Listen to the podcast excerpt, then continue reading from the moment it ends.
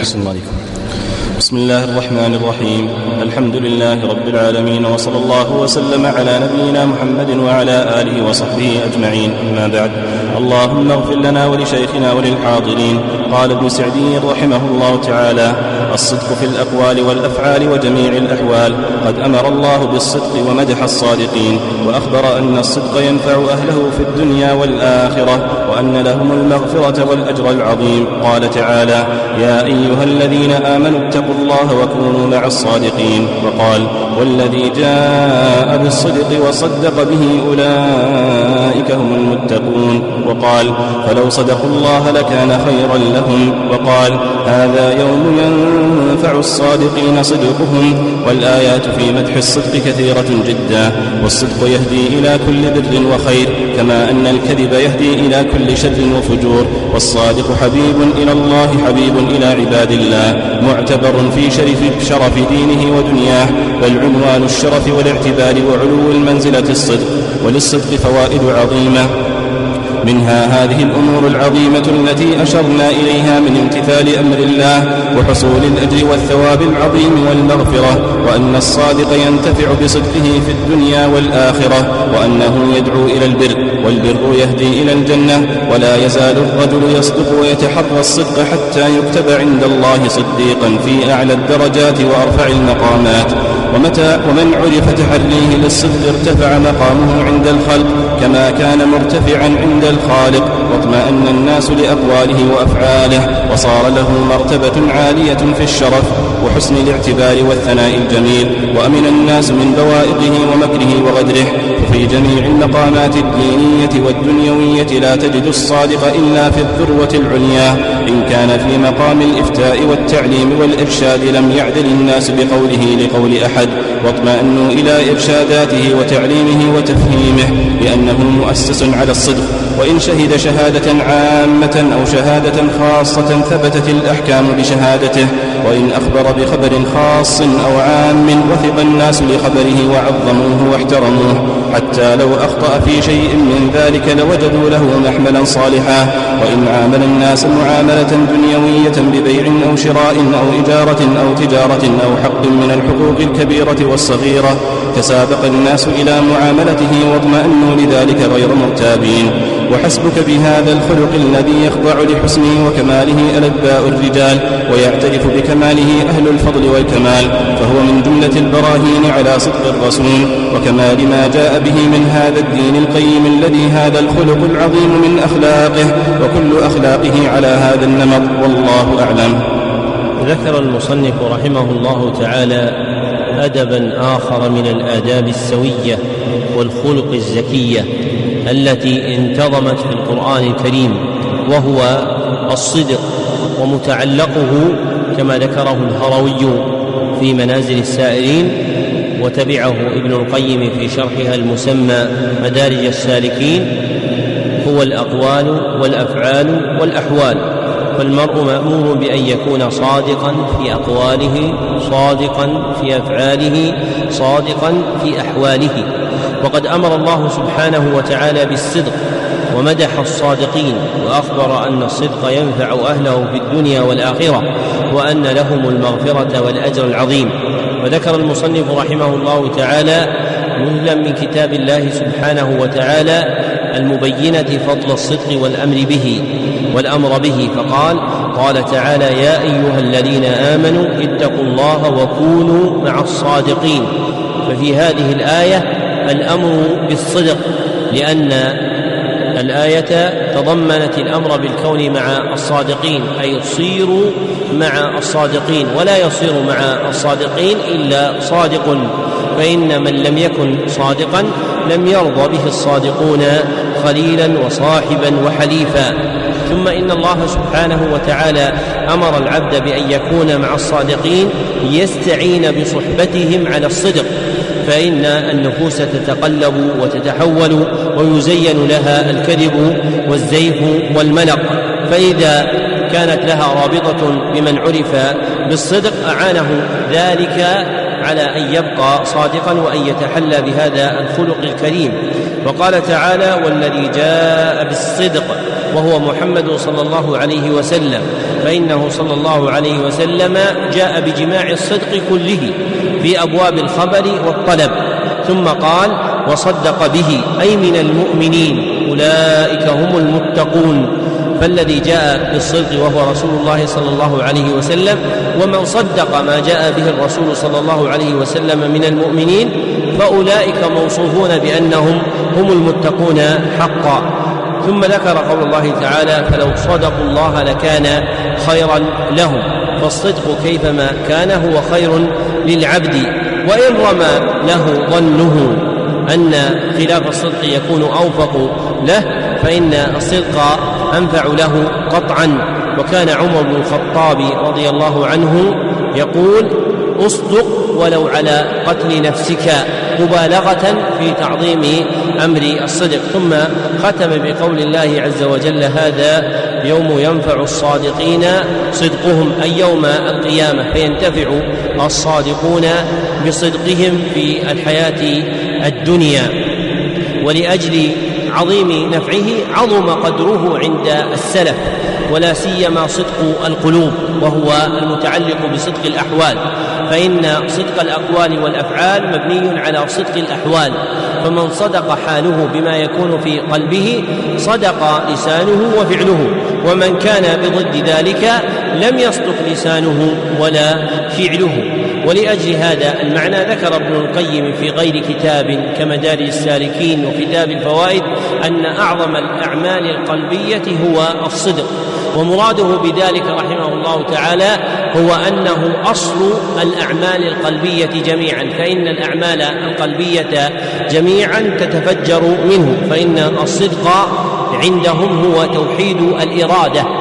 ولا يتمكن العبد من إخلاص ولا رجاء ولا توكل ولا خوف ولا رهبة ولا رغبة حتى يكون موحدا الإرادة لمن يصدق معه وأعظم ذلك صدقه مع الله سبحانه وتعالى. قال يوسف بن أسباط أحد عباد السلف لأن أبيت ليلة في الصدق مع الله. أحب إلي من أن أضرب بسيفي في سبيل الله. لأن من تجلل قلبه الصدق مع الله عز وجل ذاق لذة وأنسا وكمالا وطربا لا يجده في غيره من الأعمال. ثم ذكر المصنف رحمه الله تعالى أن الآيات في مدح الصدق كثيرة جدا ثم بين من فضيلته أن الصدق يهدي إلى كل بر وخير كما أن الكذب يهدي إلى كل شر وفجور والصادق حبيب إلى الله حبيب إلى عباد الله لأنه متحل بعمل عظيم يوجب محبة الله. ومن أحبه الله حببه إلى عباده. ثم قال في بيان شرفه معتبر في شرف دينه ودنياه بل عنوان الشرف والاعتبار وعلو المنزلة الصدق. ومن هنا وصف الله عز وجل به جملة من أنبيائه ونسبهم إلى الصدق. ثم ذكر رحمه الله تعالى طرفا من فوائد الصدق فقال وللصدق فوائد عظيمة منها هذه الأمور العظيمة التي أشرنا إليها من امتثال أمر الله وحصول الأجر والثواب العظيم والمغفرة. فإن الصادق ممتثل لأمر الله وامتثاله أمر الله يوجب مجازاة الله عز وجل له بالحسنى من الثواب العظيم والمغفرة. ثم قال وأن الصادق ينتفع بصدقه في الدنيا والآخرة. وأنه يدعو إلى البر والبر يهدي إلى الجنة ولا يزال الرجل يصدق ويتحرى الصدق حتى يكتب عند الله صديقا. وهذه الجملة وردت في حديث عبد الله بن مسعود في الصحيحين. وغاية ما يبلغه الصدق للعبد أن يجعله صديقا. والصديقية مرتبة من مراتب كمال العباد. لذلك قال المصنف في أعلى الدرجات وأرفع المقامات فإن الصديقين هم أشرف وراث الأنبياء. ووصف أبو بكر رضي الله عنه بأنه الصديق لأنه أعلى الصحابه رضي الله عنهم في الإذعان والإنقياد والتصديق بما أمر الله به وبما أمره به رسوله صلى الله عليه وسلم فاستحق أن يكون صديقا. ثم قال ومن عرف تحريه للصدق ارتفع مقامه عند الخلق كما كان مرتفعا عند الخالق أطمأن الناس لأقواله وأفعاله وصار له مرتبة عالية في الشرف وحسن الاعتبار والثناء الجميل وأمن الناس من بوائقه ومكره وغدره لاطلاعهم على حقيقة أمره فإنه صادق لا يلوذ بكلام يخالف ما يضمره فيرتفع قدره عند الخلق ويعظمونه ويجلونه ثم قال المصنف ففي جميع المقامات الدينية والدنيوية لا تجد الصادق إلا في الذروة العليا يعني في الدرجة الرفيعة العالية. إن كان في مقام الإفتاء والتعليم والإرشاد لم يعدل الناس بقوله لقول أحد واطمأنوا إلى إرشاداته وتعليمه وتفهيمه لأنه مؤسس على الصدق. فالصادق في باب التعليم والإفتاء والإرشاد يذعن الناس لقوله ويتبعونه وحقيقة الصدق في ذلك أن يكون ممتثلا أمر الله سبحانه وتعالى فإن الممتثل أمر الله عز وجل في الإفتاء والتعليم والإرشاد هو الصادق لأنه يوقع عن الله ويخبر عن حكم عن حكمه فإذا أخبر عن حكم الله ووقع عنه وفق شرع الله عز وجل كان صادقا. وإن أخبر عن حكم الله عز وجل بخلاف ما يوافق حقيقة الأمر في شرع الله فإنه يكون كاذبا. فهذا ميزان معرفة الصادق من الكاذب في دعوى التعليم والإرشاد والإفتاء. فمن كان مقاله وإرشاده وإفتاؤه موافقا لأمر الشريعة فذلك هو الصادق. ومن كان معياره غير ذلك فإنه لا يكون صادقا. فمن كان معياره في الإفتاء والتعليم والإرشاد رغبة الحكام أو رغبة المحكومين أو طمع الرعية أو طمع الرعاة فذلك ليس بصادق. وإنما الصادق هو الذي لا يأبه بهؤلاء جميعا. وإنما قلبه معلق بالله عز وجل. يبين شرعه ويذكر حكمه قبل الناس أم ردوا سخطوا أم رضوا أحبوا أم كرهوا. فإن من علق قلبه بالله عز وجل رأى أن العلم أعظم أمانة. وإن الله عز وجل ائتمن على الشريعة نبيها صلى الله عليه وسلم المبلغ لها. فلما مات النبي صلى الله عليه وسلم فإن القائمين مقامه من المعلمين والمفتين والمرشدين هم مرات النبي صلى الله عليه وسلم. وكما كان النبي صلى الله عليه وسلم صادقا أمينا فإنه ينبغي أن يكون الوارث له صادقا أمينا. وحقيقة صدقه ألا يلحظ الخلق طرفة عين وإنما يلحظ شرع الله عز وجل فيبينه لهم وفق ما أمر الله عز وجل به من الحكمة والرشد. فإن أخذوا به فذلك الخير لهم وإن ردوه فقد أدى وقضى ما أمره الله سبحانه وتعالى به. ومن الناس من يظن أن الصدق في التعليم والإرشاد والإفتاء أن تحرك التوراة وتشتم الحكومات. ولعمري كم من امرئ كان لهجا بالضرب على الحكومات وشتمها فما هي إلا سنوات خداعات. حتى يكون لسانا ناطقا لها عن كثير من الموبقات مما يدل على أن الإنسان إذا خان أمانة الشريعة فإن الله يعاجل بعقوبته ويغير له حال قلبه. قال أبو العباس بن تيمية رحمه الله تعالى وقد سمع رجلا صيرفيا قال من غش في النقد سلب الله منه معرفته يعني من غش في بيان تلك العملة أهي صحيحة أم مزورة فإن الله عز وجل يسلبه معرفة النقد فلا يميز بين الدرهم الصحيح والنقد الصحيح وبين الدرهم المغشوش والنقد المغشوش.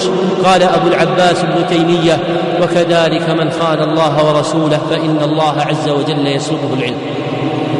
وصدق رحمه الله فإنه من خان الله ورسوله صلى الله عليه وسلم في بيان الدين والتعريف به فإن الله عز وجل يعاجله بعقوبة ولا ينبغي لطالب العلم أن يكون سادرا مع السادرين ولا ساهيا مع الساهين ولا مغفلا مع المغفلين بل ينظر ببصيرة الإيمان واليقين ويميز الحق من الكذب والميل ويعرف حكم الله عز وجل ويبينه راضيا بأمر الله عز وجل لا يسخطه ولا يجزع من شيء البتة لأن معاملته مع الله. ومن عامل الله أعزه الله ومن لم يقم لله عز وجل قدرا في قلبه فإن الله عز وجل لا يبالي به في أي واد هلك.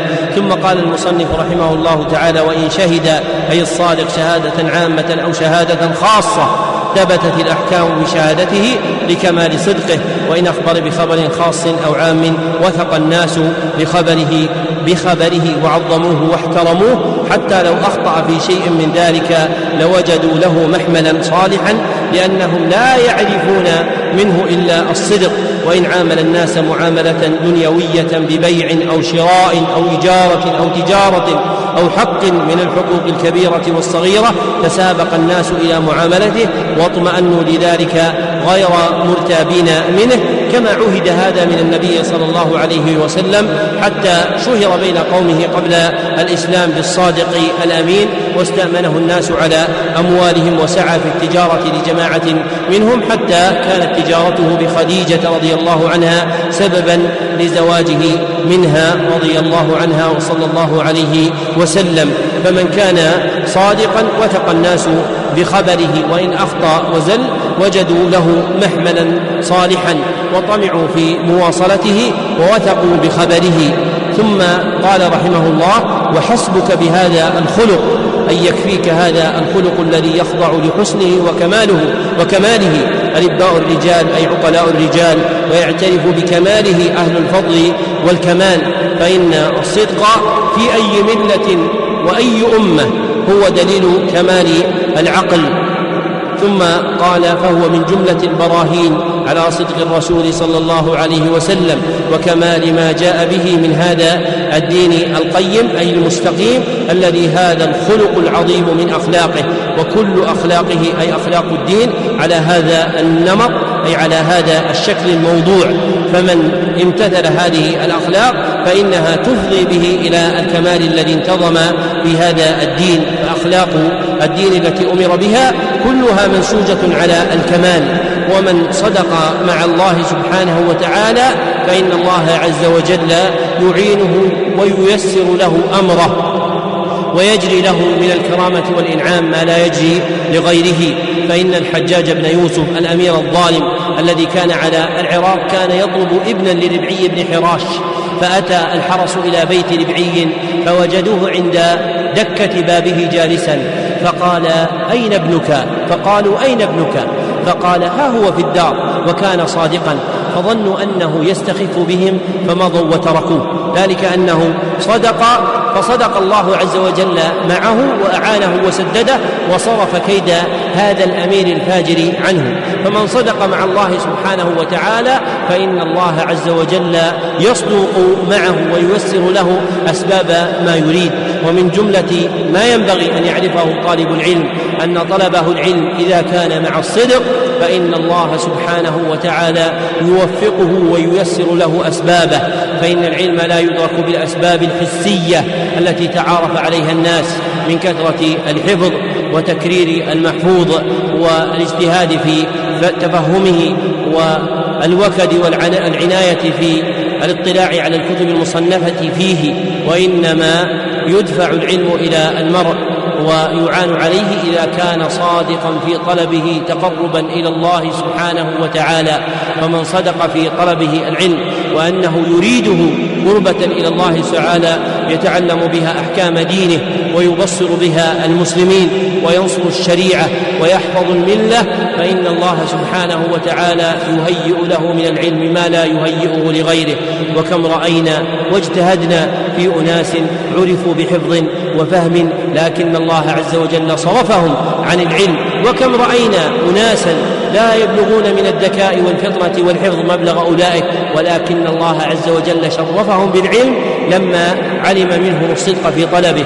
فينبغي أن يكون طالب العلم صادقا في طلب العلم متقربا به إلى الله سبحانه وتعالى لا يريد به منصبا ولا جاها. ولا ذكرا ولا ثناء بل يريد به الله سبحانه وتعالى.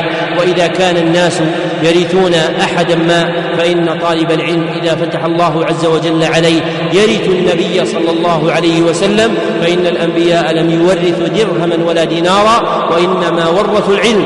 فمن أخذه أخذ بحظ وافر. فمن عين العقل والرشد أن لا يخرج طالب العلم في طلب العلم إلا وهو مستحضرا الصدق في طلبه.